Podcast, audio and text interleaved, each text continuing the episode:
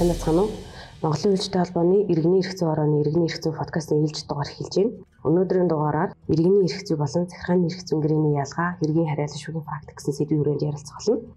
За та бүхэнд өргөдөж ирсэн зочдоо танилцуулъя. Подкастын маань зочноор Монголын хуульчдын холбооны гишүүн, хуульч, хууль зүйн доктор Дэс Сүнжид, мөн хуульчдын холбооны гишүүн, Чингэлтэй дүүргийн иргэний иргэн анхан шатны шүүхийн шүүгч энэ баяр манаар хүрэлцэн ирсэн байна. За энэ удаагийн дугаарыг хуульчдын холбооны гишүүн, хуульч Цэд Олжин Сүрэмний би хөтлөө явуулах болно.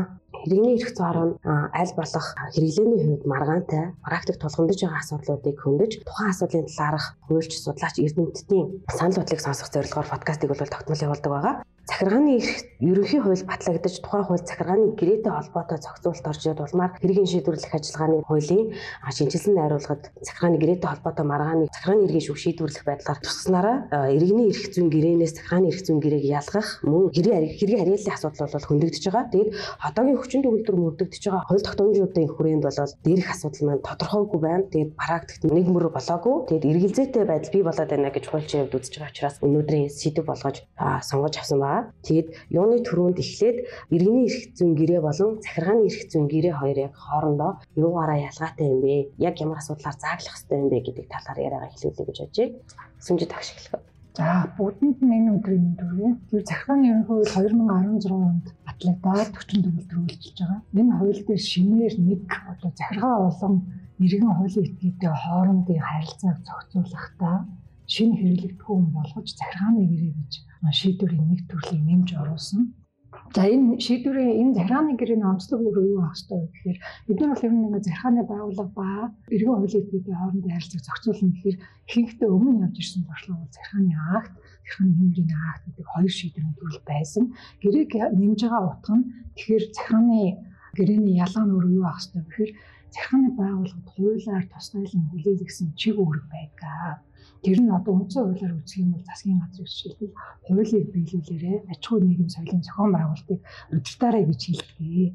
Тэгээд тэр доошоо бусад зархааны байгууллагуудад хуулиар тусдан чиг үүргийг ялгаж заагалдаг. Тэгэхээр энэ дээр нэг одоо зархааны гэрээний нэг онцлог бол нэг талд нь зархааны байгууллага өөрөө байх ёстой гэж гарч ирнэ. За хоёрдугаарт нь одоо хамгийн чухал шинж нэг энэ иргэний гэрнээс ялах гад төвхтэй байдал үүсгэгээд байгаа. Тэрэн дээр ялах харах хэвээр нэг шинж нэг. Тэгэхээр энэ нь өөрөө төрийн чигүүрэг буюу захиргааны байгууллагын хуулиар хүлээлгэсэн чигүүргийг хэрэгжүүлэх зорилгын үүднээс хийгдсэн байх ёстой гэж хэлнэ. За гуравт нь бол бас хэдий гэрээ гэдэг нэртэй авч захиргааны гэрээний бас нэг онцлог нь захирамжлах харилцаа байдаг буюу тэгш эрхтэй талуудын хооронд хийгддэггүй гэж үздэг. Яагаад гэвэл захиргааны байгууллагад сонголт болгоод байна. Иргэн хуулийн этгээтэй харилцахдаа нэг бол захиргааны акт гаргаарай. А эсвэл хууль заасын хэмжээний хэмжээний гаргаж болно. Үгүй бол бас магадгүй захиргааны гэрээ байгуулах замаар чи үргэлж хэрэгжүүлэх боломжтой шүү гэдэг сонголт өгöd байгаа.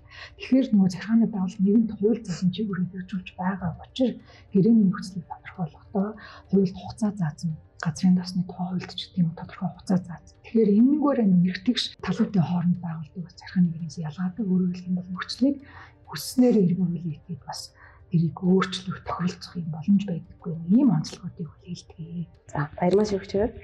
За За бүгдээ нэг өдрийн мэндийг хүргэе. За тэгэхээр иргэний эрхцэн хорооноос ээлж подкаста хийж байгаа юм байна. За ингээд энэний хүрээнд хөндөгдөж байгаа сэдв бол өөрөө үнэхээр сонирхолтой тийм тулгамдсан асуудал бол яах аргагүй мөн байна.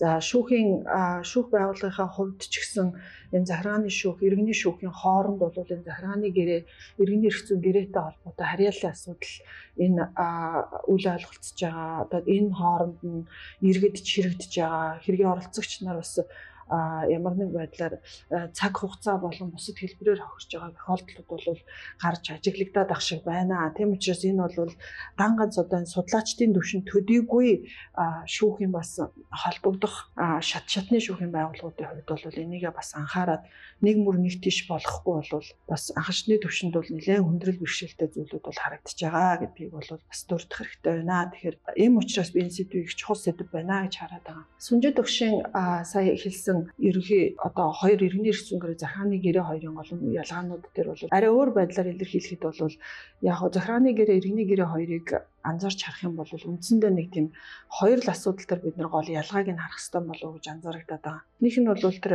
субъектийн шаардлага гэж ярьж байгаа. А хоёр дахь гол хүчин зүйл анхаарах хэрэгтэй зүйл нь материаллык шалгуур гэж байгаа. За энэ хоёр шалгуурын хүрээнд бол энэ хоёр гэрээг ялгаж харах хэрэгтэй юм шиг байна. За субъект цугтаа байх хэрэгтэй энэ хоёр шалгуур маань. Субъектийн шаардлага ярихаар бол бид нар бүгдээрээ тодорхойлж байгаа. Нэг тал нь нийт эрх зүйн хууль этгээд байх хэрэгтэй. Эсвэл этлээс багадаа нэг тал нь. А гэхдээ зүгээр зарим орны нэг шийдэгдсэн хэрэг мэргийг харахад бол тэрч байтугай хоёр хувь эрх зүй этгээдийн хооронд захиргааны гэрээ байгуулагдчихсэн гэж үзээд маргааны хянд тасалсан ийм шүүхийн практик бол зарим нэг оронд харагддсан байна. За энэ бол гэхдээ нэлээд онцлог юм байлээ. Одоо зүгээр энд бол дах нараа жоохон дэвшилт төвшний асуудал болчих юм болов. За харин материалын шалгуур талаасаа бол бид нар зарим нэг юмыг айгүй чухал анхаарах хэрэгтэй байлээ. Энэ хүрээнд бол бас хоёр юм хөндөгдөд байгаа. Тэр захиргааны гэрээ, иргэний эрх зүйн гэрээ юу, захиргааны гэрээ юу гэж үзэх гээд байгаа гэрээнийхээ бид нар зөвлөлийг нэгдүгээртийг анхаарч харах хэрэгтэй. Хоёрт нь гэрээний зорилт буюу агуулга заалт нөхцөлийг нь нэлээд тодорхойлж харах хэрэгтэй юм шиг байна. За ингээ энэ хоёр руугаа гол анхаарлаа төвлөрүүлж харахаар үндсэндээ биднэрт ер нь одоо ямар зүйл гол ялгах чиг шугам маань болж өгөх вэ гэхлээр нөгөө л нийтийн архи шиг гэдэг юм чинь гэрээний зүйл маань өөрөө нийтийн үйлчилгээг бий болгоход чиглэгдсэн. Нийтэд үйлчлэх ийм шинж хандлагатай байвал энэ маань захиргааны байгууллагууд нэг талд нь хувийн байгууллагууд орсон байгаа ч гэсэн давхар одоо яалтж байхгүй захиргааны гэрээ гэж тайлбарлах гол үндсэн шалгуур нь болчихж байгаа. Нийтийн үйлчилгээний шинжтэй байх юм бол Тэгэхээр яагаад нийтийн үйлчлэгийг бид нар захиргааны гэрээ гэж үзээд байгаа гэхэлэр ард талд нь буюу энэ гэрээний эцсийн үр дүнд хэний эрх ашиг хангагдаад байна гэж харахаар нийтийн эрх ашигын төлөө тэр гэрээг захиргааны байгууллага хийсэн байгаа. Тэгэхээр нөгөө угаасаа захиргааны шүүхийн хянан шийдвэрлэл зохистой маргаанууд маань үндсэн бүлэг маргаан захиргааны акт яагаад тийшээ ороод байгаа юм гэхэлэр нийтийн эрх ашигын төлөө тэр захиргааны акт гарсан учраас захиргааны актууд бүхэлдээ захиргааны эрх зүй гэдэг хэм хэмжээгээр зохицуулагдаад захиргааны шүүхэд хянан шийдвэрлэл яваад байгаа. Тэгвэл захиргааны гэрээчин ч гэсэн цаадалтаа бас нийтийн эрх ашигын төлөө гэрээ болчихж байгаа учраас иргэний хэрэг шүүгүүд хянан шийдвэрлэх ажиллагааны журмаас өөр одоо журмаар хянан шийдвэрлэгдвэл зохих юм байна гэдэг логик цаадалт нь яваад байгаа юм болов уу харагдаад байгаа. Хоёр дахь гол тэр нөгөө гэрээний зүйл залт нөхцөлийн талаар тавигдж байгаа гол шалгуур гэдэг ирэхлээр бид нэр юг харах хэрэгтэй вэ гэхээр тухайлах юм бол юу яадаг юм бэ? Одоо зүгээр энгийн нэг типс гэвэл захиргааны гэрээнүүдээр бол харьцангуй тийм өндөр түвшний хачирхалтай гэдэг юм уу? Иргэний эрх зүйн гэрээний талаас авч үзэх юм бол байж болмооргүй тийм хачирхалтай зүйл залтууд их орсон байт юм байна. Одоо хачирхалтай гэж би зөв үг сонгоод байна уу? Онцгой гэж хэлэх юм шиг байна. Онцгой зүйл залтууд. Тухайлбал тэр гэрээ нэг талын санаачлагаар дуусгар болдог. Нөгөө тал нь гэрээний үүргийн зөрчил байна уу үгүй юу гэдэг нь үл хамааран захиргааны байгууллага өөрөөс нь ачлахаар дуусгар болох хэрэгтэй байдаг. Эсвэл одоо нөгөө нэг иргэний гэрээний equal буюу тэгш байх шин чанар захиргааны гэрээнүүд дээр илүү алдагддаг харагдаад байна. Ерөнхийд нь харах юм бол тэгэхээр захиргааны байгууллага өөртөө ийм онцгой эрхүүдийг тэр гэрээгээр аваад байна гэдэг чинь захиргааны байгууллага мундаг учраас одоо бидний удирддаг учраас биш шүү дээ.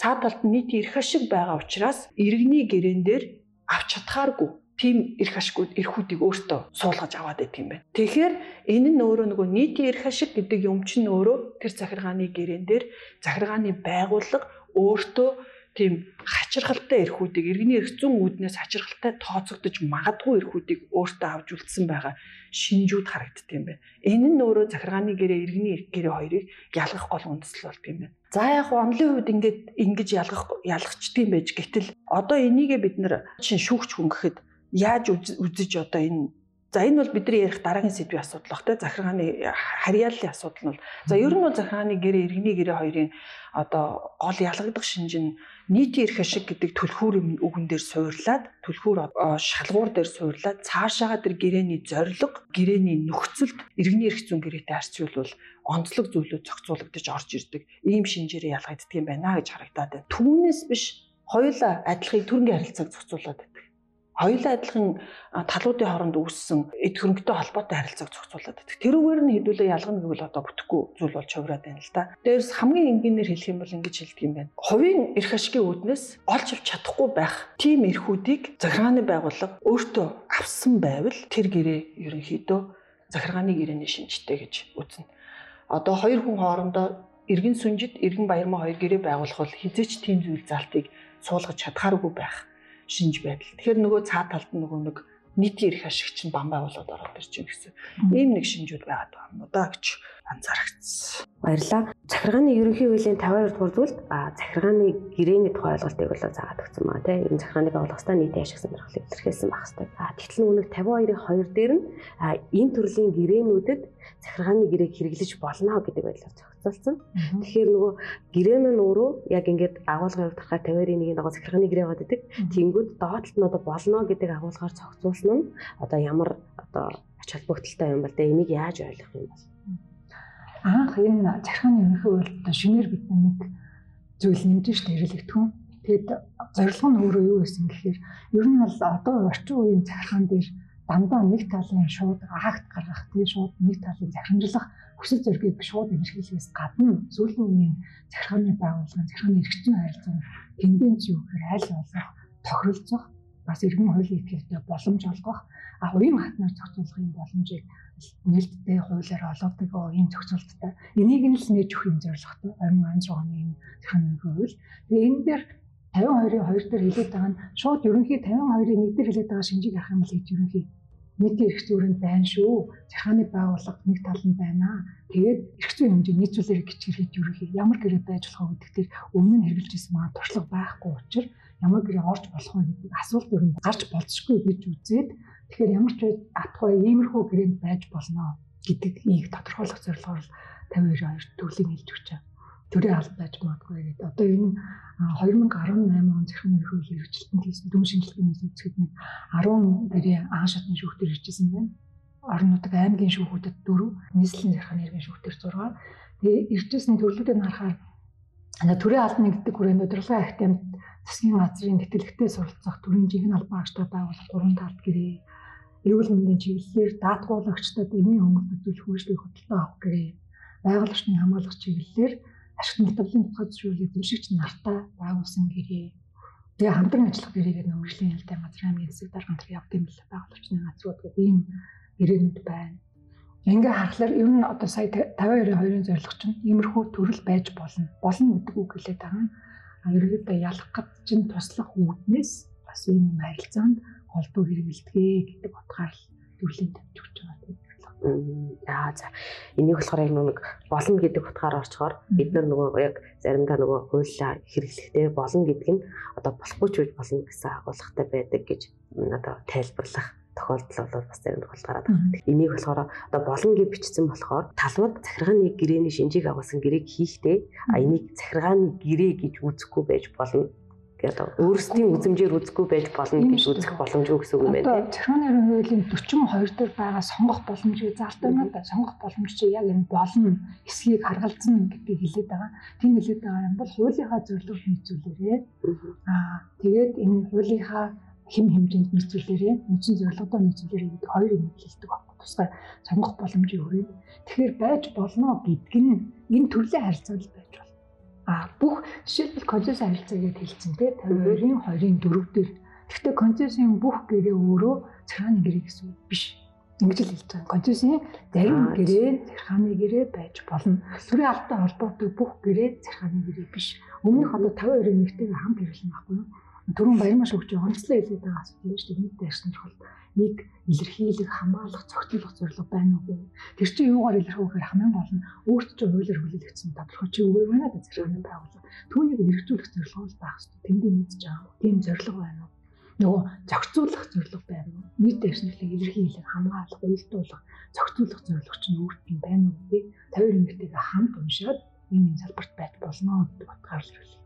За тэгэхээр харьяаллын асуудал руугаа орё гэж бодож байна. Захиргааны гэрээтэй холбоотой маргааны тэгээ яг ямар асуудлыг нь иргэний иргэн шүүх харьяалан шийдвэрлэхийн ямар асуудлыг нь захиргааны иргэн шүүх харьяалан шийдвэрлэх вэ гэдэг талаар хуулиас бол тийм ялгаа зааг бол харагдахгүй байгаа байхгүй. Тэгэхээр практик дээр одоо ерөнхийдөө бол яаж шийдэгдэж байгаа юм? Одоо ер нь яг ямар байдлаар салгаж шийдвэрлэвэл цохимжтой вэ? За тэгэхээр харьяалал чи одоо өстой хамгийн маргаантай асуудлын нэг л болчиход байна л да. Одоо захиргааны гэрээ, иргэний эрх зүйн гэрээ За тэгээд э, захиргааны шүүх, иргэний шүүх хоёр. За зүгээр харьяал дээр бол ингээд бүр эхнээс нь эхлээд нэг ярих юм бол би зүгээр ингэж ойлгодог юм. Миний зөв бодлоор бол 2007 онд дээд шүүхээс тайлбар гарсан байдгийг. Захиргааны шүүх, иргэний шүүхийн зарим хэрэг маргааныг э, зааглан ялгахтай холбоотой Тэгээд би зүгээр сайн мэдэхгүй байна. Гэхдээ тэндээс ихсүүлээд юм уу эсвэл түүнээс өмнө байсан юм уу бид нэг ердийн ариаллын шүүх, дагнсан ариаллын шүүх гэсэн нэг ойлголт нэр томьёо хэрэгнээ шийдвэрлэх ажиллагаанд орж ирээ явцсан юм шиг байна. Миний ойлгож байгаагаар бол иргэний шүүхийг ердийн ариал гэж үзээд захиргааны шүүхийг дагнсан ариал гэж үзээд ах шиг байгаа. Тэр тайлбараас бүхэлд нь харах юм бол гэтэл бид нар үндсэн хуулийн 48-ийн 1-ийг харахаар тэн дээр ямар нэгэн ердийн болоод одоо энгийн харьяалан шүүх гэсэн ойлголт тэнд байдаг. Ерөөсөө л эрүү иргэн захиргаагаар дагнана л гэж байдаг. Иргэний ч дагнсан шүүх, захиргаач дагнсан шүүх, эрүү бас дагнсан шүүх. Тэрнээс биш захиргаан дагнаад иргэн нь үлдсний шийддэг юм бол үг нь биш юм байна. Үндсөлийн үзэлснээгээ харах юм бол иргэний шүүгч гэсэн адилхан дагнсан шүүх. За үзэл баримтлал үндсөлийн одоо томьёолын хувьд бол би өөрөө бол хувьдаа тэгж ойлгож байна. Одоо захиргааны гэрээг захиргааны шүүх хянан шийдвэрлэх энэ ойлголт маань хууль судлаачдын дунд юунаас үүссэн юм бэ гэд харахаар За мэдээж хуулийн зохицуултаас үүдж байгаа тийм ээ. Тэгэхээр захиргааны шүүх хян шийдвэрлэлт хуулийнхаа 13 дугаар зүйлд захиргааны эрх шүүхэн, эргэн шүүхэн үндсэн хуулийн цэц өөр шүүхэд харьяалуулснаас бусад нийтийн эрх зүйн маргааныг хянан шийдвэрлэнэ гэх. Яг үүндээ бол захиргааны гэрээг захиргааны ерөнхий хуулийн захиргааны актынхаа дараа нэг бүлэг болгоод зохицуулчихсан байгаа. А тэгэхээр захиргааны гэрээнээс үүссэн маргааныг нийт эрх зүйн маргаан гэж үзэж байгаа учраас захиргааны гэрээг захиргааны шүүх шийдэх юм байна гэсэн ойлголт нэг төрөөд байна. Нэгдүгээр. Хоёрдугаар цаашаа бас ингээд аргашаа харахаар хаана байдаг вүлээ захиргааны ерөнхий хуулийн билүү захиргааны шүүхийн шийдвэрлэх хуулинд нь бас нэг ойлголт байдаг. Захиргааны гэрээтэй холбоотой асуудлыг захиргааны хэргийн шүүх шийдэх юм байна гэсэн ойлголт төрөхөөр нэг заалт байдгийг За ингээд эндээс үндэслээд бид нар захиргааны гэрээ одоо нөгөө 52 дугаар зүйлсээс нь захиргааны гэрээг маань захиргааны шүүх шийдэх нь за захиргааны гэрээ биш иргэний гэрээнүүдийг бол иргэний шүүх шийдэх нэ гэсэн ойлголтоор байгаа. Тэгэнгүүт түрүүн бид нар захиргааны гэрээ иргэний гэрээ хоёроо ялгах гад үзлээ л дээ одоо яг ингээд нийтийн эрх ашгийг хөндсөн шинжтэй ийм захааны гэрээнүүд байвал захааны гэрээ гэж үзнэ гэдэг. Гэтэл 52 маань өөрөө бас нөгөө концессийн гэрээ болгон бас захааны гэрээ гэж үзэгдэхгүй байж болно гэсэн агуулгаар сая сүнжид доктор тайлбарлалаа шүү дээ. Тэгэхээр яг одоо эндээс ч хүмүүсийн болон бүр тэрч байтугай шүүгчдийн хооронд ч гэсэн эргэлзээ үүсэж эхэлчихэж байгаа. Ер нь зүгээр одоо эргээгээд түрүүний асуулт руугаа буцаад орохоор захиргааны гэрээг хуульд шууд тогтооцсон байт юм байна. Энэ энэ төрлийн гэрээнүүдийг захиргааны гэрээ гэж үзнэ гэд. Хоёрдугаарт нь шүүхийн шүүгчийн өөрийнх нь ихтгэл үнэмшлэр бас захиргааны гэрээ гэж үзэж болох тохиолдлууд гэж бас байд юм байна. А ер нь бол захиргааны гэрээ иргэний гэрээний асуудал угаасаа маргаантай ойлголт байгаа байхгүй ганц Монголд биш. Ерөөсөө их төвөгтэй маргаантай асуудал юм билээ. Тэгэнгүүт хуульдаа шууд тогтоогдсон энэ бол захааны гэрээ мөн гэж шууд тогтооцсон гэрээнүүд бол асуудалгүй захааны гэрээнд ороо явж байгаа. Уут тавиад өгчлөөр шүүх өөрөө тодорхойлох хэрэгтэй болох нь. Захааны ерөнхий хуулийн 52 бол яхахгүй ууттай байна. Наад захыг бодоод үзэхэд л хуулийн залтаа харахад л ерөөсөө а нөгөө 52-ийн 1-1 дээр чинь байгаа шүү дээ. Төрийн алба, эрүүл мэнд, боловсрал болон бусад нийт эрх зүйн шинжтэй энэ асуудлуудаар захиргааны гэрээ байгуулж болно. Тэгэхээр нөгөө бусад гингүүд одоо энэ маань тэр төрийн алба эрүүл мэнд боловсрал биш байсан нөө суур үйлчлэгээний асуудал биш байсан ч гэсэн шүүгч өөрөө бодож үзээд энэ төрлийн гэрээ маань захиргааны эрх зүйн гэрээ байна гэж үзэх юм бол өөрөө горгуулах нь л та. Тэгэхээр ерөөсөө яалтчихгүй энэ уут бол манай хуулийн төвшөнд бол онгорхоо байгаад байна. Энийг хуульдаа тодорхой заацнуудыг нь бол бид нар одоо захиргааны гэрээ гэж үзэхээс өөр аргагүй болоод байна. А чинь концесс дотроо гэхэд бол би бараг бүхэл төрлийн концессийн гэрээ нийтийн эрх ашигын шинжтэй гэрээ байх болов гэж хувьдаа тааж байна. Харахаар концессийн хуулийг харахад ерөөсөө л нийтийн эрх ашигын төлөө онцгой эрх олох шинжтэй гэрээнүүд байдаг. А гэхдээ мэдээж онлын төвшөндөө энэ маань бас зарим төрлийн гэрээнүүд биш байж болох тохиолдлууд маш цөөн ч гэсэн гардаг юм байна. А гэхдээ энийг бол шүүгчл ялгаж салгах нь энэ нийтийн эрх ашигын шинжтэй байна уу? Нийтийн үйлчлэгийг хангаж гин үгүй юу гэдгийг нь анзаарч үзэж байгаа. Тэгэхээр одоо тухайн төрлийн кейс дээр л шүүгч маань тогтоож үзэх нь байна да. А тэгээ гол шалгуур нь түрүүний хамгийн ихний асуултан дээр яригдсан нийтийн эрх шиг нийтийн үйлчлэгээний зорилт тэр гэрээний цааталт байна уу гэдэг. Түүнээс биш яг одоо бид нэр хар цагаан гэж ялгаж байгаа шиг ялгахад бол үнэхээр төвхтэй. За тэгэхэд харьяал дээр бас нэг асуудлыг нэмж хэлэхэд энэ харьяалын асуудал дээр айгүй төвхтэй болгож байгаа нэг юм хүмүүсийг жоо чирэгдүүлж байгаа нэг нь захирааны шүүх одоо нэгэнт захирааны ерөнхий хуультай захирааны гэрээг шийднэ гэд харьяалаа тодорхойлчихсон. Тэгтэл ард нь хуульда зарим нэг асуудлуудыг бол бас тийм нэг мөр зохицуулаагүй болов гэсэн бодол надад төрөөд байна л да. Тухайлах юм бол 10 дугаар бүлэг төр хохирол барагдуулах гэдэг хэсгээс харахаар амьдрал дээр захиргааны гэрээ нэхэмжлийн шаардлагаар яаж бууж ирдэг вөхлөө гэрээнээс үүссэн маргаа ихэнхдээ төрөнгийн шинжтэй. Ерөөсөө хохирлоо арилгуулъя л гэж орж ирдэг. Энэ гэрээнээс биелэгдээгүй учраас надад ийм охирол учрлаа хохирлоо арилгуулъя. Энэ гэрээнээс татгалзъя, татгалзаад буцаагаад өгсөн авснаа авъя. Энэ гэрээг цуцлая. Ерөөсө хизээч одоо тэр эхний вариантаараа цуцлая гэж дуусчдаг биш байхгүй юу? Цуцлая дараа нь хохирлоо. Татгалзъя бас эд хөрөнгө. Хүчин төгөлдөр бус тооцоолъя бас өгсөн авснаа харилцсан буцаа. Гэрээний маргаан хизээд эд хөрөнгийн маргаан байдаг. Бараг 199%. Хэрвээ захиргааны гэрээгээ шүүх захиргааны шүүх шийдэх гээл байгаа юм бол хамгийн гол амин чухал хэсэг дээр анхаарал аягүй дутуу өгчжээ. Хохирол барагдуулах хэсгээ өөрөөсөө шийдэх гэж байгаа юм шиг өөрөөсөө шийдэхгүй ч гээд байгаа юм шиг. Тэгэхээр одоо нөгөө яг нюанс нь өнөөдөр харьяаллын хоорондын маргаан үүсгээд байгаа нюанс нь энэ асуудал дээр үүсээд байна. Нөгөө захиргааны шүүгч өөрөө гэрээгээ шийднэ гэдэг байгаа мөртлөнгөө хохирол барагдуулах асуудлаа тийм бүрхэгдүү орхичоор хохирчод байгаа иргэний чинь үндсэн эрх яг хохирсон эрх нь үндсэн агуулгаараа сэргэж чадахгүй байгаа байхгүй юу? Тэгэхээр сэргийлгэж чадах тэр шүүх рүүгээ л хандах сонирхол тэднэрт байгаад байна. Яг үнийг хэлэхэд яг хуу зарим нэг захирамжууд хэрэгсгүй болгосон энэ трийг танилцж яхад захиргааны гэрээгээр үүсгэсэн маргаан дээрээ захиргааны шүүхтэр те үндсэн хэмжлээсээ татгалзаад хэргийг хэлбэршүүлсэн журмаар хэрэгсгүй болгоо шийдвүүлэхэд тэр иргэн нөх сөрөгтэй хэрэг байж штэ. Сөрөг хэмжилтэй. Тэгэнгүүт нь уг нь бол тэр чин захиргааны гэрээний л маргаан байж штэ. Сөргөн ч гэсэн ялгаа байхгүй. Тэгэл захиргааны гэрээний маргаан юм чинь нийт эрх ашиг хөндөгдсөн гэдэг нь тодорхой байгаа юм бол одоо захиргааны шүүхэн л асуудлаа дуусгах хэрэгтэй болчиход байна. Гэтэл тэр захирамж дээр энэ төр шууд л сөрөгтэй холбоотой асуудлаа иргэний шүүхтээ шийдүүлээрээ дараа нь дахиад явахаараа гих маягаар шийдэд ороод ирсэн тэгээ манайх руу бариад ороод ирж байгаа тохиолдлууд ч гарч байна. Тэгэхээр нөгөө эн чинь юг харагдуулаад байна гэхэлэр гэрээ гэдэг ихэнхдээ хөрөнгөний маргаан байдаг. Тэгээ энэ асуудлаа захиргааны шүүх шийдъя гэд концепцийн хувьд тэр хууль тохирцсон бол гол эсен зулсан асуудлаа тэндээ яаж шийдэж дуусгахыг нь наривчилж зааж өгөхгүй болохоор наад өнгөн талдаа захиргааны гэрээг захиргааны шүүх юм шиг шийдэх юм шиг харагдаад А гэтэл хүмүүсийн амин чухал болсон асуудал болж байгаа. Эдгэрэнгийн асуудлыг нь шийдэх юм шиг шийдэхгүй юм шиг орчихоор асуудлаа эцэст дуусгах шүүх рүүгээ хандах гадах сонирхол байгаад байна. Эндээс болоод харьяалын маргаа өрнөд байна гэдгийг хэлэх гээд байгаа. Нэмэхэд хоёр юм харагдаж байна. Захиргааны нэрийн шүүхийн хүлээж аван шийдэд байгаа гэрээний маргаануудыг харахад энэ дээр нэг сайн тэр хохиролтой холбоотой асуудал юм да. Тэрэн дээр ер нь бол яг анх хуулийн үйлдэл амьд юу хийсэн бэ? Гэхээр энэ дээр тэр үе захааны дэрний захааны актны хэмжээний актны аливаа шийдвэрийн улмаас очирсан тохиолдлын талаар асуудал маргаангүй бол захааны дэрний шүү хамтдаган шийднэ гэдэг юм санаа яваад. А хэрвээ маргаантай юм бол нэг нь одоо арай өөр дүнлээд нөгөөдг нь арай өөр байдлаар томьёолоод байгаа бол ерний иргэн шүүх рүү хандаараа гэдэг юм хоёр дараагийн процесс байдлаар оролцсон байгаа нь үнэн л дээ. Тэгэхээр одоо ингээд хүлээж авч шийдвэрлэж байгаа байдлыг харахаар иргэний иргэн шүүх рүү жишээлбэл концессийн асуудлаар хандъя хандахдаа зөвхөн одоо төрийн байгууллага тэр концесс байгуулсан эрх бүхий захиргааны байгууллагаас үүргийн гүйцэтгэлээ хангаагүй мөнгөө нөхийг анзан жишээ. Тэгэхээр тэрийг жишээлбэл за нэг талд нь харъя 52-ийн нэг халахаа гэхээр нэг талд нь захиргааны байгууллага байна. Тэгээд 52-ийн хоёр дээр байгаа концессийн гэрээ байж болно гэдэг төрлийн байна.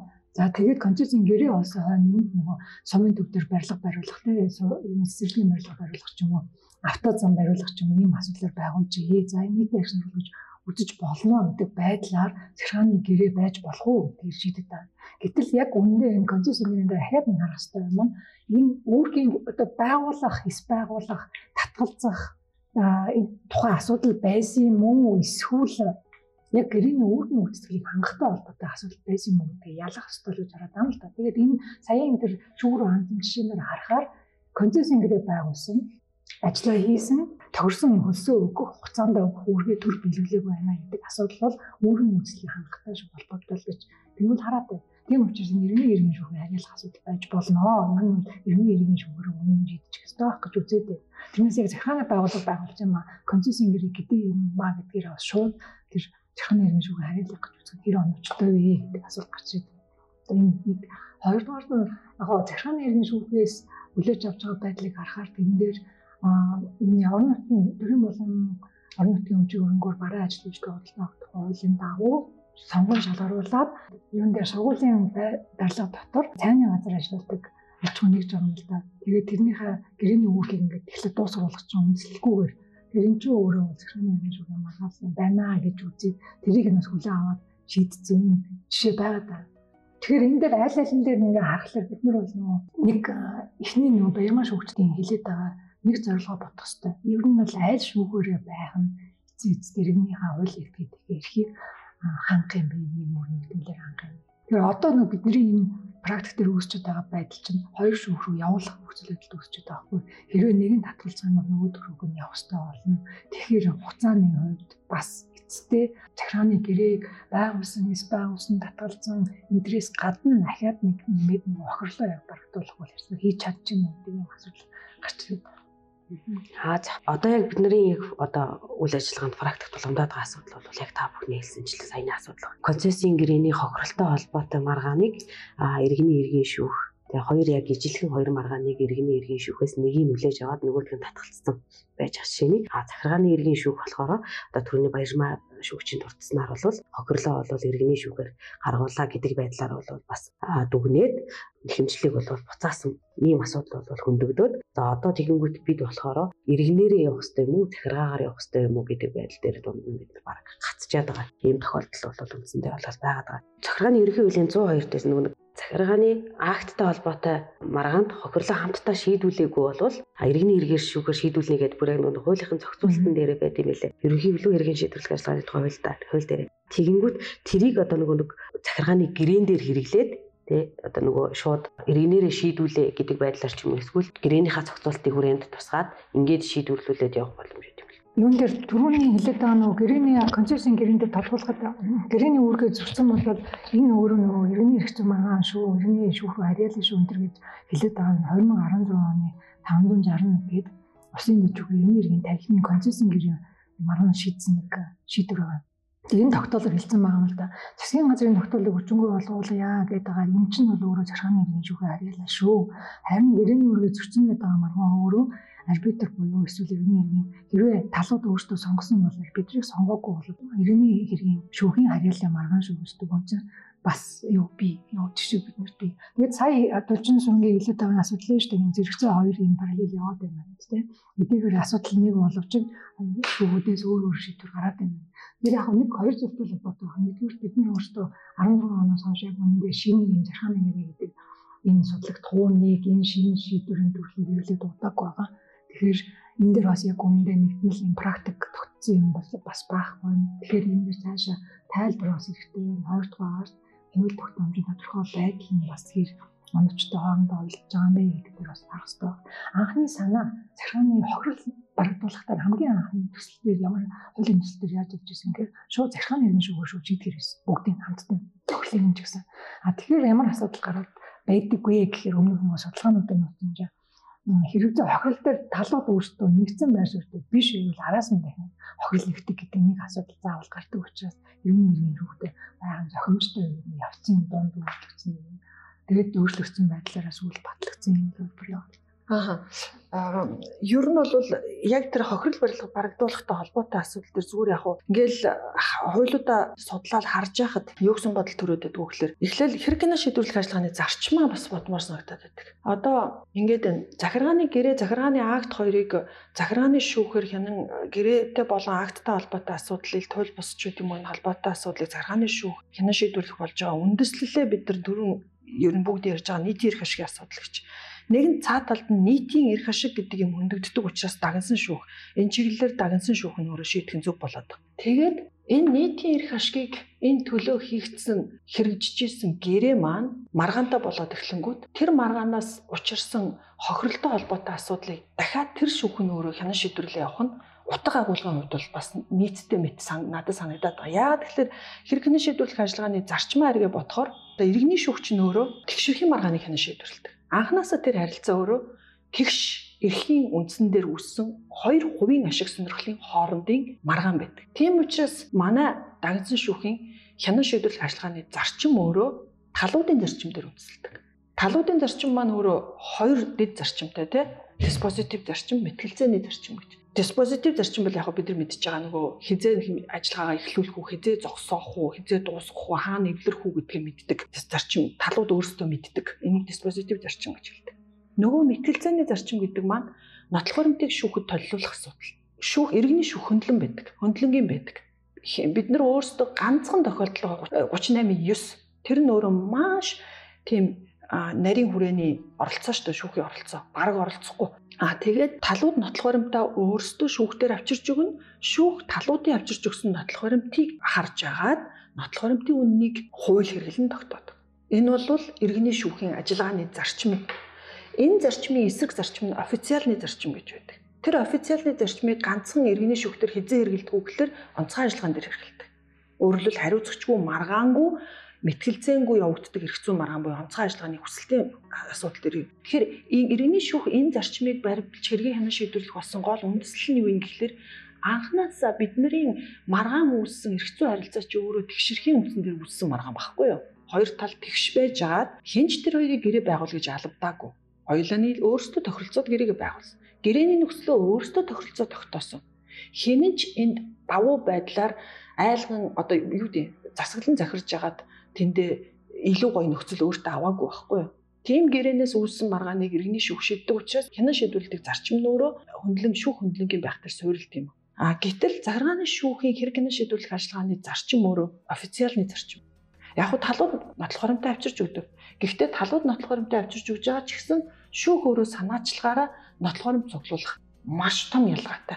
Иргэний шүүхээс маш том өөр ялгаатай. Энэ өөрөө бас нөгөө зүй харилцааныхаа онцлогтой уялдаж байгаа хгүй. Захиргааны зүй харилцаа чи өөрөө нийт эрх ашгийг төлөө бий болдог харилцаа учраас харьцангуй тэнд засаглан захирах шинж байх гэдэг. Удирдах шинж байх гэдэг. Нийт эрх ашиг нэг тал. Яагвал тэр нөгөө public policy гэдэг юм чи өөрөө бүр нөгөө дайчлан хураах хүртэл үндслэл болдог үстэй бусдын эд хөрөнгийг тий Тэгэхээр энэ энэ өөрөө тэнд нэг тийм шинж тэнд нэг шинж тэмдэг байга. Тэр учраас шүүхэн өөрөө бас баримт бичиг зөвлөлөхдөө официалны зарчмыг бариад байна. За тэгвэл одоо энэ зарчмыг хэдүүлээ охирол дээр буулгаад үзье. Иргэний шүүхээр явбал иргэний шүүхэл ямар ч баримт бүртгүүлэхгүй. Тэгэл чи өөрөө нотлогоо сууж байна. А захиргааны шүүхээр явбал захиргааны шүүх тэн дээр шүүгч өөрийн санаалцахаар нотлохоор бүрдүүлэх нь. Тэгэхээр энийг бодож үзээд анханасаа захиргааны гэрээг ийм шинжтэй гэрээ гэж үзсэн болвол энэ гэрээнээс үүссэн маргаанаа хянан шийдвэрлэх ажиллагаагаа тэр харилцаанд зогтсон хянан шийдвэрлэх ажиллагааны зарчимтай шүүхэн шийдгэлтэй. Би бол ийм байх ёстой болов уу гэж хараад байна. Гэхдээ энэ бол цэвэр онлын үүднээс ерөнхий дүр зургаар нь харж байгаа асуудал шүү дээ. Тэрнээс биш яг энэ хуулийн тодорхой зүйл залтыг тайлбарлаж хэлж байгаа зүйл ерөөсөө биш тийм ээ. Тэгэхээр ийм зүйл байгаад ах шиг анзаарагддаг. А гэтэл өнөөдөр манай захааны ерөнхий хуулийн хохирол барагдуулах гэдэг энэ 10 дугаар зүйл маань яг энэ зарчим үндэслэлтэй хэр уйлдж байгаа үлээ дэлгэрүүлэх шаардлага байна уугүй юу? А тэгээд шүүхийн хоёр шүүхийн маань практик маань одоо ямар зарчим үндэслэлээр суурилж ажиллагаа нь хийгдэж яваад бас тэр дунд хүмүүсийн маань эрх ашиг оролцогч нарын эрх ашиг бас хөндөгдөөд байна вэ гэдгийг бол бодож үзэх хэрэгтэй баг. Мэдээж яг энэ айгүй чухал асуудлыг чи хүндсэн ч гэсэн энд оролцож сууж байгаа хоёр хүн маань бол тэр асуултад мэдээж яг таг одоо хариулт өгөх хэрэгтэй хүмүүс нь биш шүү дээ тийм ээ. Хууль өнөөдөр ийм байна л гэдгийг бид гурав толилуулж гаргаж ирэх хэрэгтэй байх. Тэгэхээр энэ л ийм нэг бодол санаа байгаад байна да. Нөгөө гэрээ гэдэг үднээсээ болвол нөгөө тэгшэрхийн үндсэн дээр гэхээр нөгөө гэрээ байгуулах эсхийг тэ ерөнхийдөө бол талууд өөрсдөө харилцаж тохиролцож шийдвэрлэнэ гэсэн үг гэж ойлгодог. А иргэний эрх зүйн хувьд гэрээ байгуулахыг даалгах гэдэг байдлаар хэмжлийн шаардлага гаргаад а тэрийг нь одоо даалгаж шийдвэрлэх боломж тийм зүйл байт юм л. Тэгэд энийг нь болохоор одоо шээ захиргаан дээр захиргааны гэрээ байгуулахыг даалгах гэдэг байдлаар бас яваад а даалгах гэдэг байдлаар шийдвэр бол гараад байгаа хгүй. Тэгэхээр нөгөө одоо нөгөө үндсэндээ бол ингэж л яриад байгаа. А иргэний хувьд заасны дагуу гэрээ байгуулах хэсэг нь бол би гэрээ байгуулах саналаа гаргалаа. А саналыг хүлээж авахгүй бол би тухайн гэрээг бол байгуулахгүй гэдэг тухай ойлголт яригдчих. Гэтэл захиргааны гэрээний хувьд бол захиргааны иргэн шүүхэд гэрээ байгуулахыг даалгах гэдэг байдлаар хэмжлэл гаргаад тэрийг нь нөгөө гэрээ байгуулахгүй гэдэг хад чи над гэрээгээ байгуулаа гэдэг байдлаар шийдвэрлэж яваад байна. Тэгэхээр нөгөө гэрээ гэдэг үндсэн шинжийнхаа хувьд иргэний оо хэргийн шүүхтэр ч гэсэн ийм байдлаар хэмжлэлийн шаардлага гаргаад тэрийг нь шийдвэрлээд явдаг тийм практик байдаг болов уу? Юм шүү дээ. Одоо над үндсэн харилцааны ялгаа шүү дээ. Иргэний их зүйл нөгөө тэгшэрхтэй талуудын хооронд үүсэл үүсэж болно. Заавал албатай ерөөсөө биш. Хинтээ гэрээ байгуулах, ямар нөхцөл байгуулах үндсэн зарчим бол тийм үндсэн зарчим тийм юм яриад байгаа. Гэтэл их зүйн харилцаач өргөний талбай захиргааны байгууллага гэдэг захиргааны байгууллага гэж хэлэхээрээ бидний захиргааны хувьд энэ тавд заасан байгууллагуудаа нэрлэдэг байгаа. Тэдний гүйцэтгэх хэмжээний байгууллага түүний харьяа бусад тогтолцоотой байгууллага байна. Хөлөөс байгууллагын бөнөө засгийн газрын бус бие даасан агентлаг байна. Нэртэй урлагаа чи өөрөө шилжүүлсэн тохиолдолд тойлор юм гэрээгээр хувийн хувийн буюу бусад одоо хуулийн этгээд бус байгууллага байж болно. Нийтэд үйлчлэг үзүүлдэг төрийн болон албан хэмжээний этгээдүүд байж болно гэдээ харилцаа холбоо боловсрол эрүүл мэнд тээвэр ярьдаг. Тэгэхээр энэ дээр энэ харилцаа чинь энэ захиргааны байгууллагаас захиргааны акт гаргах оронд нэг боломж болгоо захиргааны гэрээ байгуулж болно. Нэг хэрэгсэл гэж үзэж байгаа байхгүй гартан ойруулж байгаа. Тэгэхээр энэ дээр нөгөө захиргааны гэрээ гаргахыг яагаад даалгах шаардлага гаргаж болох вэ гэдэг чинь харилцаанаас болдог. Одоо жишээн тэр нэг э, шүүгэр шийдсэн хэрэг үлээ. Төрийн болон орон нутгийн өмчийн хөрмөө бараа ажил үйлчлэгээ худалдаа авах тухай хуулийн дагуу аж ахуйн нэг сонгуул шалгуултанд ороод цайны газар сургуулийн байшин дотор явуулах эрх авцсан. Тэгсэн чинь үнэлэхгүйгээр одоо нөгөө гэрээгээ тустаад өөр байгууллага оруулнаа, өөр сонгол тийм нэг шаардахаар одоо тэр аж ахуйн ямар шаардлага байгаа юм гэхээр энэ хууль бус услыг тогтооход гэрээ цэцэлж байгаа үйлдэл нь өөрөө хууль бус тэгээд гэрээг өөрчлөлөн байгуулахыг даалгаж өгч гэдэг шаардлага гарч байгаа. Тэгэхээр энэ тохиолдолд чинь даалгах чи яагаад тархины байгуулалттай холбоотой даалга яагаад гарч ирээд байгаа юм бэ гэдэг очин өрөөнд яваа. Бид нар яагаад гэхээр нөгөө өөр боломж байхгүй энэ чинь нөгөө тэгшэрхтэй талуудын хооронд октоос явагдаагүй харилцаа. Анханасаа л тийм тэгш бус эрэхтэй этгээдүүдийн хооронд үүссэн. Тэгээд нөгөө захиргааны байгууллагт нь байн хуулиар болгосон чи өөрийг хэрэгжүүлж байна гэдэг тавуу талтай байдаг. Бид нар өөрсдөө нөхцөлөө хилдэг. Газар зэмжүүлэх гэрээ, газар ашиглуулах гэрээ бүгдэн дээр нь захиргааны байгууллага дандаа өөрсдөө нөхцөлийг хэлж байгаа. Газрын тосны бүтээгдэхүүн хуваах гэрээ хизээч тэрэн дээр иргэн хуулийн этгээд очиод төлбөрийн хэсгийг басгахын хугацааг нь орцгой тогсгоё гэдэг юм дээр тэгж юу их боломж авах тохиролцоо хийх боломж ер нь байхгүй.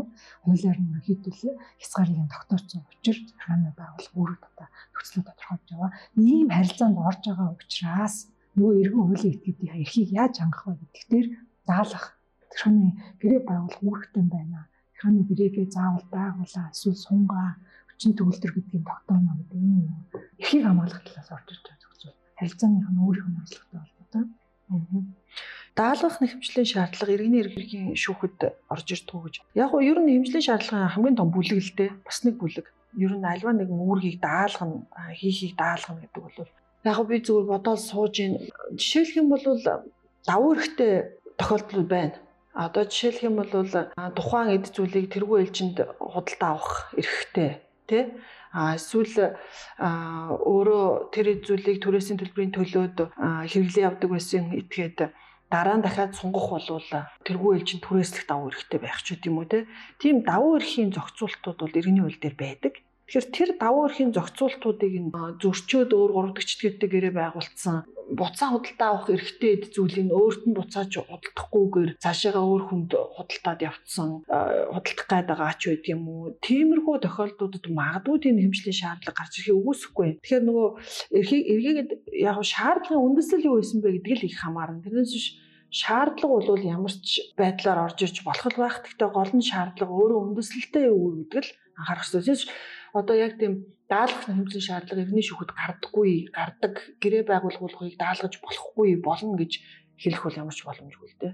Захиргааны эрх зүйн гэрээн дээр шүүхийн харьяаллыг талууд хоорондоо тохиролцох боломжтой. Эсвэл нөгөө иргэний иргэн шүүхээр эсвэл захиргааны иргэн шүүхээр бүр арбитраар шийдвэрлүүлнэ гэдэг байдлаар ч юм уу. Талууд өөрсдөө харилцан тохиролцоод тухайн шүүхтэй гэрээндээ тусгаад тухайн шүүхтэй хандах боломжтой. Концессийн тухай хуулийн 34-ийн 2 дээр зааснаар гэрээгээр тохиролцсон арга гэрээгээр хаана хандгаа тохиролцож болно гэдэг тийм. Хаана маргаан үүсвэл хаашаа хандах вэ гэдэг хариултаа тохиролцож болно. Тэгэхээр концессээр арбитраар сонгож болно. Одоо арбитраар шийдвэрлэх үү гэдгийг тийм хаанхын арбитраар шийдвэрлэх вэ гэдгийг сонгож болно. А яг нөгөө шүүхийн тухайд бол хариул сонгохгүй. Хуулийн заасан журмын даваа явна. Тэгэхээр нэг конституцийн хуулийн дээр нэг ганцхан л тохиолдол байгаа шүү дээ. Арбитрийг сонгох бас нэг боломж конституцийн тухай хуулийн дагуурт нь байна. Хэрвээ арбитр сонгоогүй л хариуллага дагуу зархам нэргийн шүүхүү ирэх нь байна. Тэгээ ахаад бидний хэлээд байгаа нөгөө зүйлээ ялган, зорилгоо ялган, тэрний үүргийн нөрчил биш юм уу гэдгийг ялган гэдэг ийм л юмуудыг шалгах гэнэ шаардлагууд байна. Тий. Одоо яг иргэний эрх зүйн гэрэн дээр бодоод үзэхэд иргэний эрх зүйн гэрэн дээр ч гэсэн бид нэр үндсэн зарчим бол шүүх шийддэг гэрээнээс үссэн маргааныг А гэхдээ энэ гэрээнээс үлсэн маргааны талуу төвөрсдөө хоорондоо тохиролцоод арбитраа шийдвэлнэ гэсэн байвал арбитр руу яваад. Энэ бол хэргийн харьяаллын асуудал. А гэхдээ бид нар элт дэргэний эрх зүйн гэрээ байж ич энэ гэрээний асуудлыг захааны шүүхэр шийдвэлмээр байна гэдэг бол тийм negotiation тохиролцоог зөвшөөрнө гэсэн ойлголт бол одоо хууль зүйн хувьд байх боломж байхгүй. Наазах нь л түрүүний ярьсан нөгөө зарчмын асуудал хөндөгдөнө. Энд чинь тэгшэрхий юм. Одоо яа даа захиргааны шүүхэр шийдвүүлээ захиргааны шүүгч нотлох хөрөм цуглуулаа явуучих бол миний ажил хөнгөрөх юм байна гэж захиргааны шүүхийг сонгоод байж болохгүй тэл адилхан шүү дээ.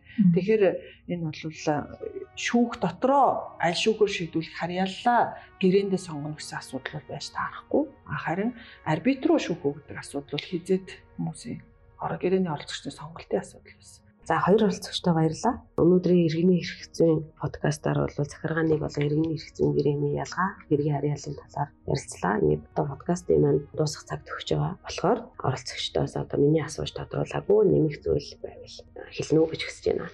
Нэгдүгээр нь юу сөрөг хэмжлэлийг захиргааны хэрэг шүүхэл хянан шийдвэрлэх тухай ойл зааснаар 58 ганцхан захиргааны гэрээн дээр сөрөг хэмжлэл гарах эрхийг олгосон. Яагаад гэвэл үжид баримтлалын хүрээнд захиргааны байгууллага өөрөө захиргааны актаа цуцлах эрхтэй гэдэгтэй хүчингү болгох хэрвээ эрх бүхий байгуулалт шийдвэр гарсан бол эрх нь дандаа өөрт нь бэж идэх өөрчлөх нэмэлт өөрчлөлт оруулах гэдэг.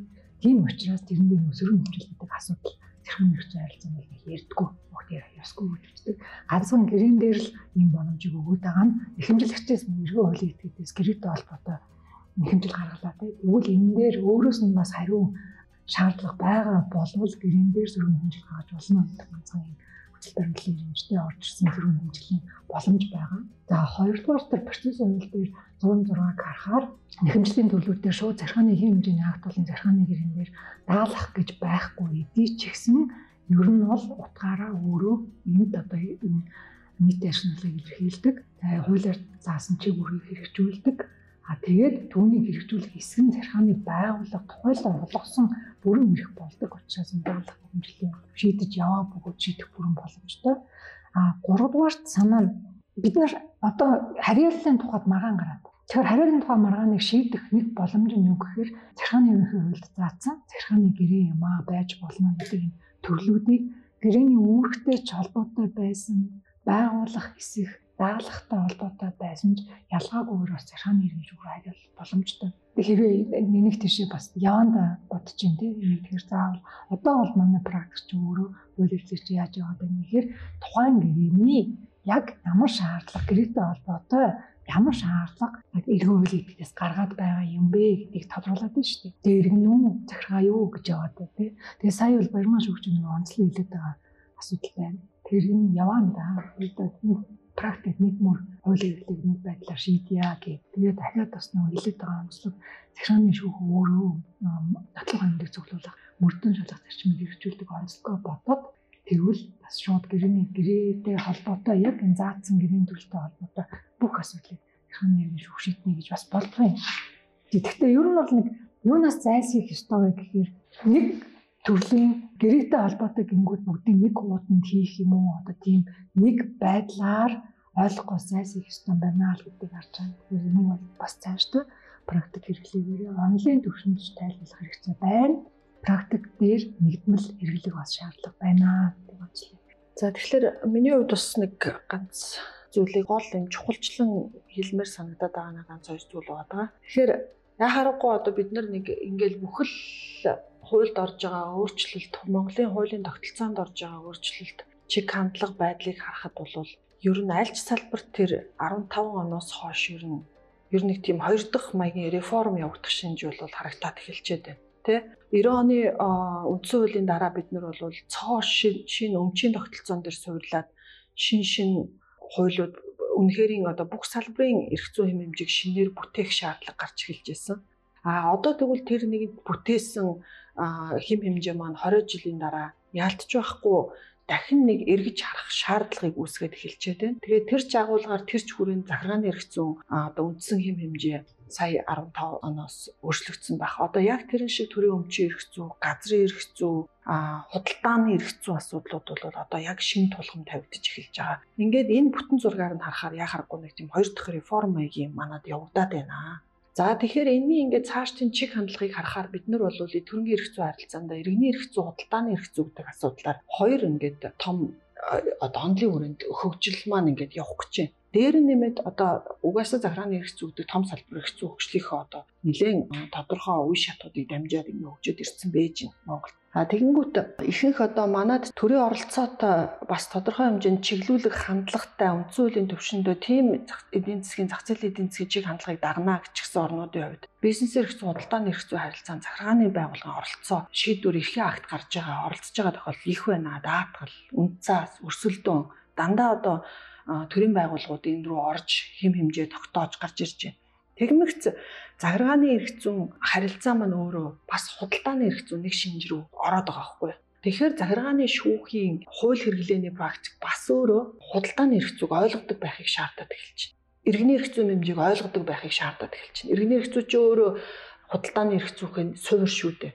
Тэгэхээр ингээд энэ үндсэн чиг хандлагаа харахаар захиргааны шүүгчд бол залаа ганц шүүгч бишээ захиргааны эрх зүйн салбарт явж байгаа хуульч нар маань бол бас иргэний эрх зүйн худалдааны эрх зүйн зарчмын асуудлуудыг одоо ингээд өглөөргаар нь харж асуудалтай хандах юм шаардлага гарч ийнү да гэсэн ийм бодол нэг төрдөг. Нэгт хоёрт ингээд энэ чиг хандлага маань явсаар иргэний хуулийн хэрэглээ шүүхийн практикт хоёр янз байх эхлэл болчих үе дээ гэж өөрөөр хэлбэл захиргааны гэрээ өөрөө энэс үүссэн маргааныг дагнсан шүүх маань шийдэхдээ иргэний хуулийг хэрэгжилж байгаа үед одоо иргэний эрх зүй, худалдааны эрх зүйн асуудлыг шүүд шийддэг иргэний шүүхийн хэрэглээ тогтцсон тэр хэрэглээний өөр практик үүсчих вийдэ гэдэг бодол бас байгаад байгаа.